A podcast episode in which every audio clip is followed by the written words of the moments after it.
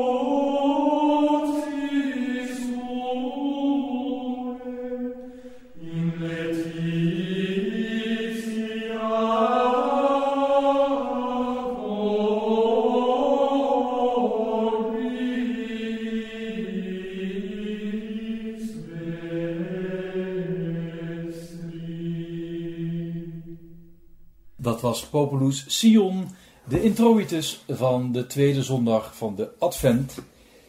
Eh, volk van Sion, zie, de Heer komt om de volkeren te redden. Stijn, Prachtig. is dat niet schitterend? Prachtig, nee, prachtig. Het is de mooiste tijd, ik vind het de mooiste tijd van het jaar. Ja, ik ook. Ja. Ik vind het altijd wel jammer als de kerst aanbreekt. Ja. Want weet je wat het is? Die voorbereiding op de kerst is prachtig, maar de wereld viert dan al lang kerst. Ja, maar en als de kersttijd is, die nog tot heel lang duurt, dan eh, heeft iedereen de kerstboom alweer op de brandstapel gezet. Vind ik jammer. Nou, sterker nog, ik, op Schiphol is het al twee maanden kerstmis, hè? Oh ja? Ja, er staan al kerstbomen. Want en, dan- eh, jij bent natuurlijk heel vaak op Schiphol. nou ja, ik moet zeggen, ik heb daar ook mijn eigen gate. Ja, ik vind wel dat jij jouw eh, ecologische footprint eh, nogal wat uh, bij heftig Nee, maar kijk, dat christelijke kerstfeest is natuurlijk in onze contraien langzamerhand ingehaald door het wereldse kerstfeest. Vol licht, vol muzak. Ja, En het heeft natuurlijk, terwijl het mooiste is natuurlijk toch eigenlijk ja, toeleven naar dat licht met een hoofdletter. Terwijl met dat licht met een kleine letter doet bijna je ogen in de stad. Er is al zoveel kerstlicht. we nemen eh, tegenwoordig overal een voorschot op. Eh, in ieder geval, hoe is het met je? Met mij gaat het wel goed, maar hoe is het met jou? Ja, dat gaat ook wel goed. Alleen, ik ben weer een, een nieuw pausboek aan het schrijven. En het is ingewikkeld hoor. Het, eh, ik heb er... Uh, afijn, daar zal ik daar iets over zeggen. Ik ben natuurlijk ook bezig met die hele Rohingya-kwestie. Ja, En eh, ja, want de paus, is, ja, de paus is net terug uit Myanmar en Bangladesh. Daar gaan we het dadelijk over hebben. Maar eerst toch even, je bent onlangs in Rome geweest. Eh, hoe is het eigenlijk met de kerstboom op het Sint-Pietersplein? toen ik daar was, vorige week, toen was die, stond hij net rechtop. En werd er ook dat, die kerststam, of moet ik eigenlijk zeggen, dat kerstbungalowdorp, want dat wordt ook steeds groter, die hele kerstvoorstelling Ja. op het Sint-Pietersplein. Maar die boom, ja, het is niet echt een, een vieren, pronken spar. Nee, nee. Kijk, zo'n kerstboom, eh, de Freudianen zullen zeggen, dat is natuurlijk toch een soort vallensymbool. Vind Nou, vind ik niet, Ja? daar denk Nee? ik nooit aan. nee. Maar hij, hij, hij kwam dit, eh, dit jaar uit Noordpolen, maar daar is de bliksem in geslagen. Ja. Een van onze trouwe luisteraars, Robert-Jan Bron, die zei op Facebook... eh, misschien is dit het begin van eh, een iets bescheidenere opstelling van het pauschap. Nou ja, dat die hele, die hele aandacht van deze paus voor de periferie, voor de mensen in de marge, dat die zich ook nu gaat uitstrekken naar bomen in de marge. ja, Ja, ja, ik kan me herinneren, ik heb ooit nog eens met, eh, met eh, collega Bart Ruis van de KRO, eh een jaar of tien geleden zijn wij de kerstboom gaan ophalen in Ja. Noord-Italië. Kijk, die boom, die ging gewoon het ene jaar uit Italië en dan variëren ze per regio. En het, andere, en, en het andere jaar komt hij uit ergens anders in Europa, Polen of Tsjechië of zo. Kijk, ik weet niet waar die, waar die bomen allemaal groeien. En wij zijn hem toen gaan ophalen in, ehm, in Tirol, in Zuid-Tirol. En dat was prachtig. Dan zijn we dus de dag voordat hij gekapt zou worden. Dat is een hele ceremonie. Zijn, ben ik met de, de, zijn we met de boswachter. Zijn we hem eigenlijk, dat hebben we een beetje gesmokkeld voor de camera, gaan uitzoeken. Dus ik, je ziet me daar lopen in een soort landen, in een boslandschap. En dan zegt hij, zeg ik, nou deze is wel aardig. En dan zegt die boswachter, hoe, hoe spontaan? Nou ja, die hebben we ook uitgekozen. En toen heeft hij een klein hartje, voor mij al uit de boom, heeft voor mij al een klein hartje uit de boom ge- gehakt. En dat heb ik nog altijd in mijn bureau laten liggen. Ach, een klein hartje. Ja, en vervolgens, die volgende dag, dan wordt zo'n boom gekapt met een fanfare en de drie, vier televisieploegen. En dan wordt hij op een speciale eh, wagen gelegd die onder politie-escorte toen vanuit Zuid-Tirol naar Rome is gegaan. Het is bijna iets heiligs, die kerstboom. Ja, maar dat vinden Italianen ook. Hè? Ik hoor dat er ook klachten waren over de lengte van, eh, van de boom op de Piazza Venezia. Ja, de lichtjes waren niet, niet, niet, niet goed Ja. genoeg. De Italianen houden van, van, van mooi. Van, van, het is niet voor niets het land van de krul. Dus zo'n boom moet ook iets zijn. Hè? Je- ja, ja. En, eh, maar goed, ik vind, Maar ja, er zitten eh, geen krullen in naalden. ik vind eigenlijk een, een kerstboom waar die als je neerzet eigenlijk de half van de nalen er al uitvalt. hè, Zo'n boom, vind ik wel iets voor deze paus. ja? Over deze paus gesproken. Ja. Hij is dus net terug uit eh, Bangladesh. Bangladesh, jij kent vooral Bangladesh door George Harrison. ja, het eh, concert van Bangladesh, augustus 1971. Het dat- eerste benefiet popconcert. ja, echt een soort live aid avant la lettre. Ja, Maar eh, ik vind het nummer niet zo goed, Bangladesh. Even, even, even horen, even horen. oké. My friend came to me, sadness in his.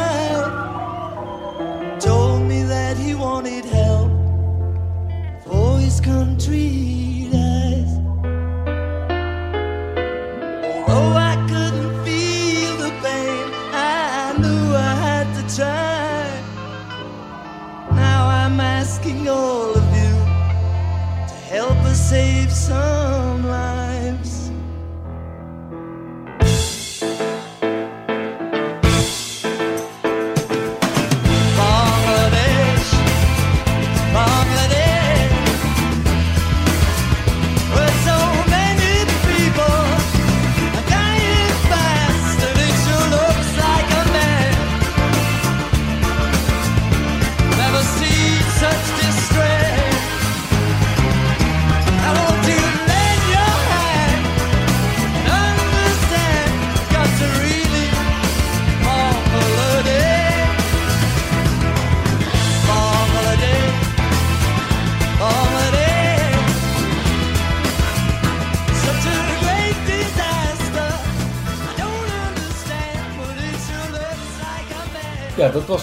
grote ellende. Eh, het land van de Bengalen maakte zich los van Oost-Pakistan. Met, met eh, ja, een ontzettend groot humanitair drama als gevolg. Vluchtelingen, Genocide. genocide. Ja. Stijn, er is helemaal niets nieuws onder de zon. Nee. En er was dus een concert in New York. En eh daar was, waren dus bij mensen als Ringo Starr.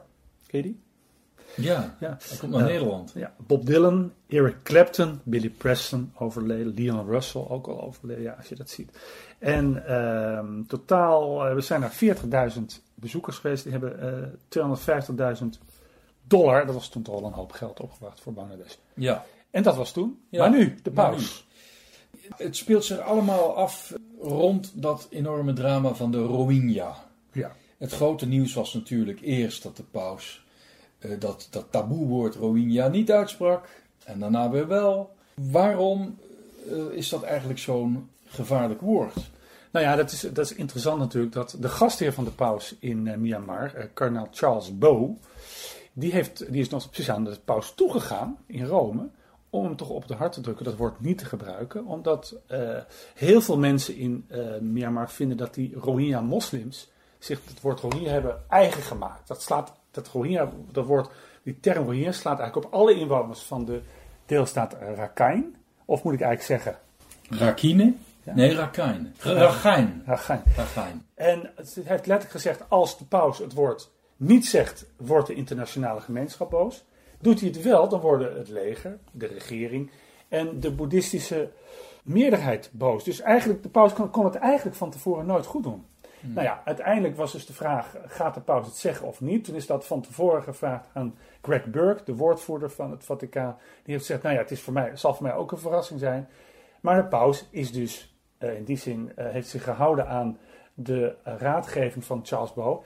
Hij heeft het woord niet gebruikt, maar hij heeft wel zo over die Rohingya gesproken. Het woord dat iedereen wist waar hij het over had. Ja, Terwijl hij het woord niet, niet Ja. zei. En er zijn natuurlijk meerdere minderheidsgroepen die daar worden gediscrimineerd. En kardinaal Bo die maakt dus zorgen dat, eh, dat misschien de toren van de ultranationalisten, vaak aangevoerd door, eh, door extremistische boeddhisten, ja zeker, die zijn er. Maar jij weet veel van boeddhisme. En dan heb ik altijd een idee bij boeddhisten dat dat allemaal hele vriendelijke, Ja, eh, rustige mensen zijn. Maar extremistische boeddhisten? ja, kijk, het is het Theravada-boeddhisme. Dat betekent letterlijk de overlevering van de ouden.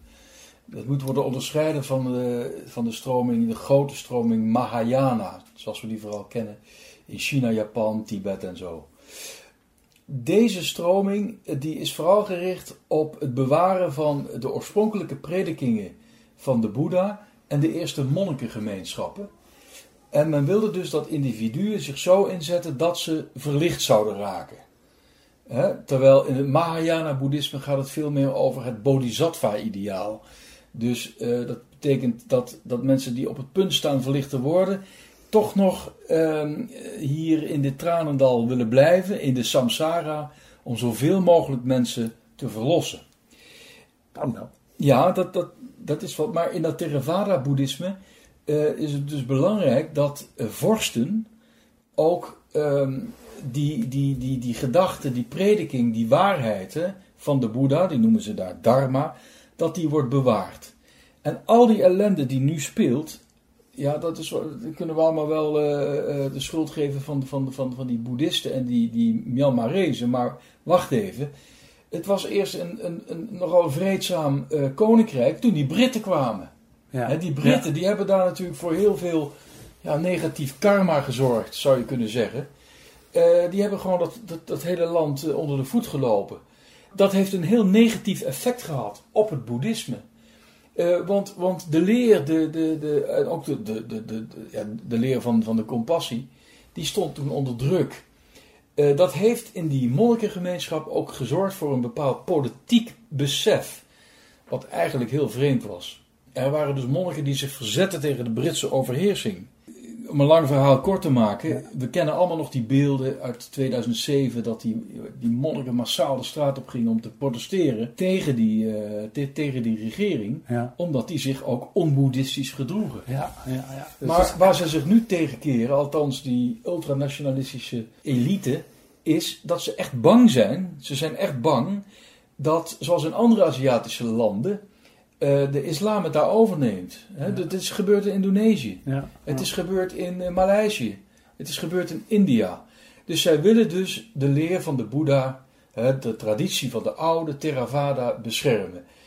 Dus, en maar overal waar angst is, waar bezorgdheid is, ja, daar, daar ontstaat eh, heel veel negativiteit. Dus maar die, die paus moest natuurlijk enorm op, op, letterlijk op eieren lopen. Die moest dus woorden heel goed uitkiezen. Ik denk dat hij dat, daar wel in geslaagd is. Ik denk dat hij in geslaagd is om, om eh, de wereld duidelijk te maken dat zijn, zijn hart is bij die Rohingya, dat hij die pijn voelt. Dat heeft hij natuurlijk vooral laten zien in, toen hij in Bangladesh was en die, bij die interreligieuze ontmoeting die Rohingya-vluchtelingen aan hem werden voorgesteld. Toen heeft hij Ja. het woord wel gezegd. Ja, ja, zeker. Maar kijk, eh, dus, Maar- dus ter plekke, Ja. dus in die diplomatieke toespraak, in die hoofdstad, dat is dus niet meer eh, Yangon, maar de, de speciaal door de junta eh, gecreëerde nieuwe hoofdstad, heeft hij dat woord niet laten vallen, heeft hij die naam niet gebruikt.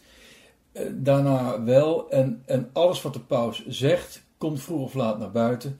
En hij heeft het vooral, ik heb het net even geteld, nou, eh, iets van twaalf keer geloof ik genoemd, het woord. Tijdens de persconferentie Ja. aan boord van het vliegtuig dat hem terugbracht van Dhaka naar Rome. Maar wat ik wel opvallend vind, is dat een paus, dat hij blijkbaar, want er is ook kritiek geweest van mensenrechtenorganisaties, dat hij het woord in Myanmar niet heeft gebruikt. Dat hij zegt, hij had, in die persconferentie van toch iets van dat hij zich moest verdedigen.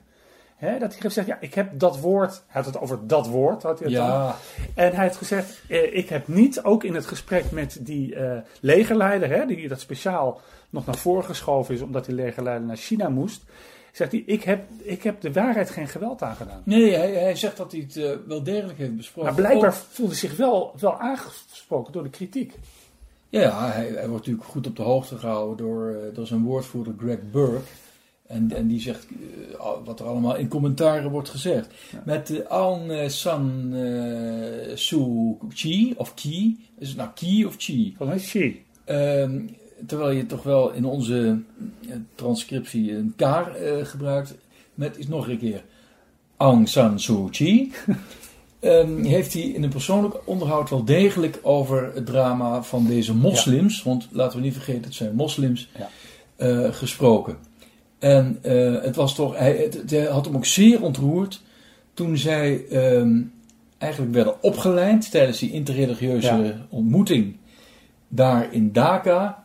Hè, speciaal eh, over, overgebracht naar Dhaka. En hij is nog over, een hij is of nog over ander die kampen gevlogen, toch? ja, dat, dat, dat, dat, dat las ik ook. En hij vond het eigenlijk vreselijk hoe dat die mensen daar werden behandeld. Die werden één voor één eh, opgeleid om, eh, moesten ze naar voren komen, je groet de paus, eh, maar je zegt niks tegen hem, je moet je bek houden, weg. En toen zei hij in het vliegtuig, en ik werd toch boos. Ik ben, ik ben een zondaar, dat weet u, hè, zei hij tegen de journalisten. Maar en ik heb ook wat gescholden. Hij, hij zei, dat gaat niet gebeuren. Dus ik ben naar ze toegegaan en ik heb met ze gesproken en ik hoorde hun verhalen aan en ik begon te huilen. En hij zei er tegelijkertijd bij, dat is trouwens niet zichtbaar, eh, dat ik huil. Nee, hij heeft Hij geprobeerd kan- het te verbergen. Ja, ja, maar hij kan dus, want hij zegt heel vaak, ik heb gehuild. Ik heb die man nog nooit gehuild. Bill Clinton heb ik zien huilen. Ja. Eh, eh, Obama heb ik zien huilen. Tan van Peperstraat. Maar ik heb deze man nog nooit... Maar hij kan dus inwendig huilen. Huilen vindt hij trouwens ook een gave van de Heilige Geest. We moeten leren huilen. Goed, nou, de paus is weer terug in Rome. Gaat eind januari naar Chili en Peru. En dan begint het circus weer. Want het is er dan een circus. Het is een beetje een circus. Ja. Het is een kwestie van geduld. Rustig wachten op de dag. Dat heel Holland Limburgs loopt. Dat heel Holland Limburgs loopt. Oh, ik heb mijn ganse lange leven gewaard. De dag die moest komen en op de nacht. Ja, dit was Rowan Heijzen. Volgens onderzoek van Dagblad De Limburger en het Limburgs Museum in Venlo is Rowan Heijzen bepalender voor de Limburgse identiteit dan het katholieke geloof. Nou, het gaat wel slecht met de wereld hoor. Ik- hoe goed ik Rowan Hers ook vind. Nou, waarom hebben we het over Limburg? Want afgetreden is Monseigneur Frans Wiertz en neemt afscheid. Je hebt hem nog geïnterviewd. Ja, dat komt volgende week in de krant. Ja. Eh, ja, ik, kijk, ik heb een zwak voor Weert. En dat, ik, ik heb het over Cohen, hè, de burgemeester van Amsterdam. ja. De, de plek waar we deze podcast opnemen. Dat, die wilde de boel bij elkaar houden. Ja. En je zou moeten kunnen zeggen dat toen Weert bisschop werd in 1993, eh, kreeg hij te maken met een verdeeld bisdom. Dat was natuurlijk allemaal gebeurd onder bisschop Gijzen. En eh, hij moest de boel niet bij elkaar houden. Hij moest eigenlijk de boel bij elkaar brengen. Ja. En hij, hij spreekt dan in, dat, mm, eh, in het interview ook over een papieren wand die er was tussen, zal maar zeggen, Welk interview? nou, er zijn twee interviews. Het interview dat ik met hem gehouden heb. En jij hebt een prachtig boek over hem geschreven. Een interviewboek. Ja, dat ging eh, vooral over zijn, eh, zijn, toekomstvisie, ja, hè? de eh, missionair mi- testament. Missionair testament. Eh, eh, ik zou zeggen, dat boek hoort eigenlijk onder elke katholieke kerstboom thuis. Dankjewel. Eh, maar eh, ja, hij zegt, er was een papieren wand tussen maar zeggen, de, de, de, de- ja, de Gijzianen, om het zo maar te zeggen, die stroming en de andere. En eh, zijn doel was, en daar heeft hij lang over gedaan, om die papier, papieren wand eh, weg te halen. En eh, eh, nou, ik denk dat hij daarin is, want het was een razend moeilijk eh eh karwei. Nou, hij is nu ehm, op zijn 75ste verjaardag, 2 december. Ik vind het altijd zo grappig om te bedenken, hij is van 2 december 1942. Dat betekent dat hij nog een half jaar jonger is dan Paul McCartney. Ja, ongelooflijk. Hè? Ja, is Hij gaat wonen in eh, Maastricht, bij de zusters onder de bomen. Ja. Onder de Eh, bogen. sorry, onder de, onder de bomen. Onder de bogen, inderdaad. Ja, ja. Ja, hij Mooi plekje daar, mooi plekje daar. Hij, hij kan goed vertellen. Hij gebruikt gekke eh, metaforen, zoals tranchotkaart. Ja, dat vind ik ook zo. Want de vraag is natuurlijk, hè, daar heeft iedere bisschop mee te maken. ehm, eh, ja, sluit je kerk sluiten of niet? Ja, Hè, w- wanneer sluit je nou wel een kerk of niet? En hij heeft een beetje het aura om zich van de, de bisschop die geen kerken sluit. ja, ja. En toen is hij met, met een hele oude kaart uit de Napoleontische tijd, een Ja. zogeheten tranchotkaart, is je gaan kijken. eh, want die kaarten die zouden heel veel zeggen over de middeleeuwse dorpskernen, die nog steeds overeind stonden. Welke zijn essentieel voor het Limburgse land en welke, welke niet. En die daar op die kaart staan, die kerken die blijven. Ja. Eh, hij heeft het over de Muizengatenkerk en hij heeft het over eh, de koepel. Vond ik ook mooi. Ja, de koepel, hè? Dat, Ja. is, dat, is, dat, is, dat is, eh, als ik het goed begrijp, toen hij eh, klein was, was die, die hele, dat hele katholieke leven was een koepel. En daar kwam je eigenlijk niet onder vandaan. Ja, en Alles iedereen hoorde erbij. Ieder- maar ja, maar ook de socialisten en, Ja, en alle ja, anders ja. denkenden. Iedereen zat onder die veilige koepel. Ja. En die koepel, eh, die onderscheiden ook de Limburgers van ja, dat eigenlijk vreemde Westen, Holland geheten. Genoeg reclame voor je boek. Nou, dat is, eh, het gaat erover Wiertz. Ja, even, eh, want eh, nou, er is nu een, er een diocesaan administrator gekozen. Ja, Dat is vicaris-generaal Schnakkers, oud-leerling van Ratzinger trouwens. ja, ga, interessant. Nou, die zal voorlopig een paar maanden dat, dat bisdom gaan besturen. Mag niet al te gekke dingen doen, want hij is maar waarnemer. Hè? ja. Nou, inmiddels is de opvolging van Wiertz, het- de procedure die tot een opvolger moet leiden, al tot op gang gekomen. Eh, er is dan door de, het kapittel een zogenaamde terna, een voordracht van drie namen, eh, gemaakt. Die is naar de nuncius Even uitleggen, kapittel. Kapittel, dat zijn een, een Kathedraalkapittel. kathedraal college van wijze priesters, mag ik het zo zeggen? Ja, Die benoemd worden door de bisschop. En een aantal, aantal dat zijn de kanuniken. eh, die hebben een aantal Hoe spel je dat ook alweer? Ah, alsjeblieft op man. Die hebben een aantal rechten. En een ervan dat zij de voordracht mogen doen voor een nieuwe bisschop. Nou, die drie, dat zijn, komen drie namen uit. Die gaan naar de nuncius. Vervolgens eh, gaat ook de bisschoppenconferentie daar iets over zeggen. En dat is ook inmiddels gebeurd. En met die twee lijstjes eigenlijk, hè, gaat de nuncius, de vertegenwoordiger van de paus in Den Haag, aan de gang. En ik heb begrepen dat er zo'n zes à zeven kanshebbers zijn op, Ja. om bisschop van Roermond te worden. Dat heb ik dus ook gehoord. En nou heb ik ook eens die... Heb die- van mij gehoord? Die, die, die, die lijst bekeken, die kanon van die canonici, canoniken. En daar staat een naam bij. Dat ik dacht van, nou, die zou toch wel eens kanshebber kunnen zijn. Die, staat, in- die zit in ieder geval, of de kans is groot dat hij bij die drie namen zit. Ja, dat hij is nog heel jong. Hij is van 1978. Dat Ja. zou kunnen dat hij dus nu 39 is. Ja. En we hebben het hier over dokter Lambert Hendricks, rector van het Grootseminarie Rolduc. ja, gestudeerd in Rome, is ook altijd een. Moraaltheologie. Ja. Aardige jongen. Zou hij te jong zijn? Nou ja, Nou ja, interessant is, Ja. hij is dus 39 en heb ik eens even gekeken. Hoe oud, maar jij even, even een quiz. Hoe oud was eh, eh, bisschop Gijzer, Jo Gijzer, toen hij in 1972 tot bisschop van Roermond werd benoemd? Wat denk je? Mm, Laten we raden, 39. Correct. En om eens even verder te gaan over de club van 39.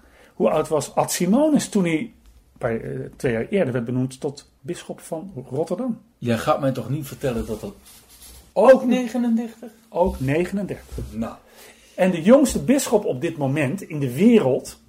Hè, er is een geweldige site die heet Catholic Hierarchy, die dit allemaal bijhoudt, allemaal met schema's. Is een hulpbisschop in Lwów, in Mhm. Oekraïne. Weet je hoe oud hij is? nee. Ja. Echt? Echt waar. Oké. 39. Nou, eens even kijken. Eh, Wat zegt de codex over... ehm, Wat is de codex? de codex is het kerkelijk wetboek. En de codex van 1983. En daar staat in eh, mm, het, het hoofdstuk over, of eh, het gedeelte over het volk Gods in kanon 378 een aantal criteria. Hij moet uitmunten door een vast geloof, een goede levenswandel, eh, dat geloven we allemaal. Een goede achting genieten, oké. Hij moet tenminste 35 jaar oud zijn. Hij moet tenminste eh, sinds vijf jaar priester zijn. En hij moet de doktersgraad, of althans het licentiaat in de Heilige Schrift, de theologie of in het kanoniek recht hebben behaald. Betekent dat dat je, dat je niet gepromoveerd hoeft te zijn om bisschop te worden? Nee, daar staat dus heel duidelijk dat je eh, tenminste je licentiaat wilt Ja, hebben. Dat ja. is vergelijkbaar met ons, eh, onze, ons doctoraal diploma. Dus hij zal een kans maken. Zijn er nog andere Nou ja, er wordt genoemd eh, de deken plebaan van Roermond, Ja, dat is Rob Merks. Rob? Merks. Ja. Eh, er wordt genoemd de pastoor van de Onze Lieve Vrouwenkerk in Maastricht, Ja, Jan Vries. Jan Vries is rector geweest van Rolduc. Ja, Ja, en dan houdt het eigenlijk voor mijn speculatie een beetje op. Ja. We gaan het allemaal merken. Ik denk dat, eh, er is ook nog genoemd de naam van, eh, van de nunties in eh, Soudaan en Eritrea. Bert van Meegen. Maar, ik heb, ik heb, van maar het komt zeer zelden voor dat een, dat een, een diplomaat van het Vaticaan wordt teruggehaald om in het land van herkomst uh, Diocesaan diocesaan bisschop te worden. Ja, Zo'n beetje vernietiging van eh, diplomatiek Ja. kapitaal. Maar wat we ook niet moeten vergeten is zo'n zo'n zo'n proces eh, die leidt naar een nieuwe bisschop. Dat is onder leiding van de, de eh, Aldo Cavalli. Zo'n proces op weg naar een nieuwe bisschop, dat is een kronkelende weg. Daar allerlei, kunnen allerlei spaken in het, in het wiel komen. Hij heeft een idee. Misschien hebben de bisschoppen een idee. eh, Het kapittel. Misschien heeft, heeft het Vaticaan er ook nog wat over te zeggen. Dus eigenlijk weten we het niet. Het is wel zo, wat er dus gaat gebeuren, is dat hij, komt, hij, hij gaat namen neerleggen bij bepaalde mensen. Die krijgen een, hè, dat is een soort, soort, dat zijn katholieke notabelen, dat zijn hoogleraren. Die krijgen dus die naam, een naam, en dan moeten ze een lijst invullen met vragen. Ha, En eh, ja, of iemand eigenlijk wel geschikt is. Ja. Nou, dat, gaat, dat speelt zich al af en dat gaat, dat gaat natuurlijk nog verder. ik ben ervan overtuigd. Nou ja. eh, nooit niet zeggen dat je ergens van overtuigd nee, bent. Maar ik, Nee. ik denk echt dat de gouverneur van Limburg, de commissaris van de koning in Limburg, geraadpleegd gaat worden door Ja. eh, de nuntius. Theo Bovens. Goede katholieke man, eh, staat midden in het leven en die heeft echt kijk op, op de geschiktheid volgens mij van iemand die toch de kerk van Limburg moet leiden. En dat moet natuurlijk dan ook een Limburger zijn. Ik Ja, het zal wel een Limburger worden. ik geloof ook wel dat, dat Cavalli daarvan overtuigd Ja, is. volgens mij is hij daar ook een Ja. over. Goed. Oké. Nou, we wensen Limburg natuurlijk alle goed.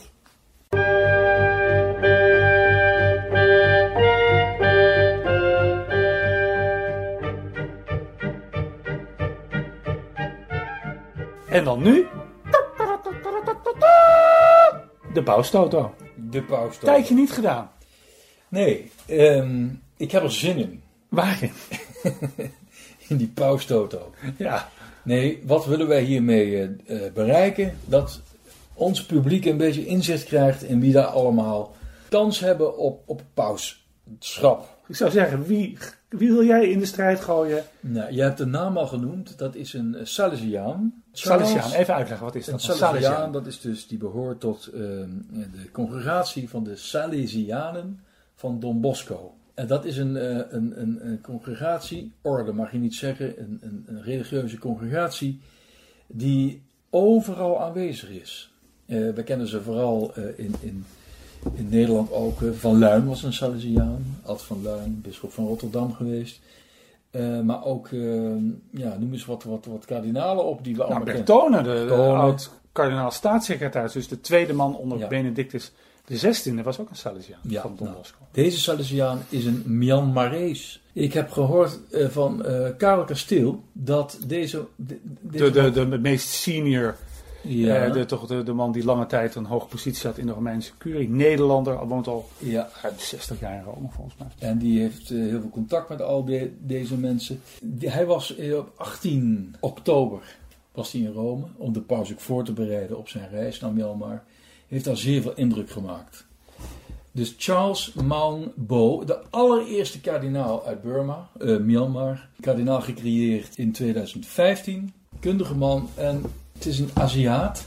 Hij behoort tot een, eh, een marginale kerk. En misschien is, ja, zijn de toekomstige conclavisten daar wel gevoelig voor. Nou, kijk, we hebben op dit moment, eh, op, op dit eh, het moment dat wij deze podcast opnemen, hebben wij 217 kardinalen. Daarvan zijn er 120 kiesgerechtigd bij een volgend conclave. Een beetje het, het, het, quorum, zeg je dat? De hoeveelheid die het eigenlijk altijd mag zijn, 120.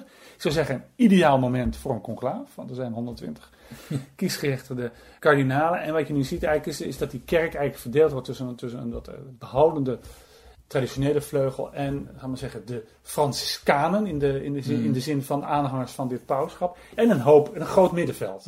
Nou, dan zou je zeggen dat, wat je hoort is dat de Franciscanen, eh, zou je Louis Tacle, de, de aartsbisschop van Manila, zou dan een eh, kandidaat kunnen zijn. En je hoort er bij de rechter, de meer traditionele vleugel, de curiebischop, de curie-kardinaal moet ik zeggen, eh, Robert Sarah. Ah, ah, Ja, eh, dit, dit moet er ergens tussen hangen. En dan kom ik toch uit weer bij een Italiaan. Eh, ik noem hem maar even. Ik zeg niet dat hij het wordt, want ik, ben heel slecht in voorspellen. Maar dan heb je de aartsbisschop van Florence, Giuseppe Bittori. Eh goede leeftijd. Ik, volgens mij is hij zo'n begin 70, eh, 71, 71. En hij kent het Vaticaan. Dacht, eh, en hij is nu ook een aantal jaren diocesaan bisschop geweest. Dus hij heeft, heeft de pastorale kant van de kerk leren kennen. Dus wie weet toch wordt hij naar voren geschoven als, het straks, als die kardinalen straks in de Sixtijnse kapel zitten en eh, er gestemd moet worden. Ja. En wanneer gaat dit gebeuren? Dat weet, dat weet alleen God. Ja. En de paus. Ja. Kijk, hij is dadelijk vijf jaar paus. Misschien denkt hij dan, eh, ik vind het wel mooi geweest. Ja, dat heeft hij, hij heeft een keer gezegd, hè? volgens mij een jaar Ja. of twee geleden. Nou ja, ik ben een jaar of vier, vijf paus dit zal geworden. een kort pontificaat eh, zijn. Ja, maar misschien eh, eh, ziet, hij, ziet hij ook wel dat alles wat hij wil bereiken, Ja. dat dat nog lang niet zo Nou heb ik is gehoord bewerkstelligd. dat hij het enorm aan zijn heupen heeft. Zijn heupen zijn versleten. Dat verklaart ook dat hij een beetje raar loopt.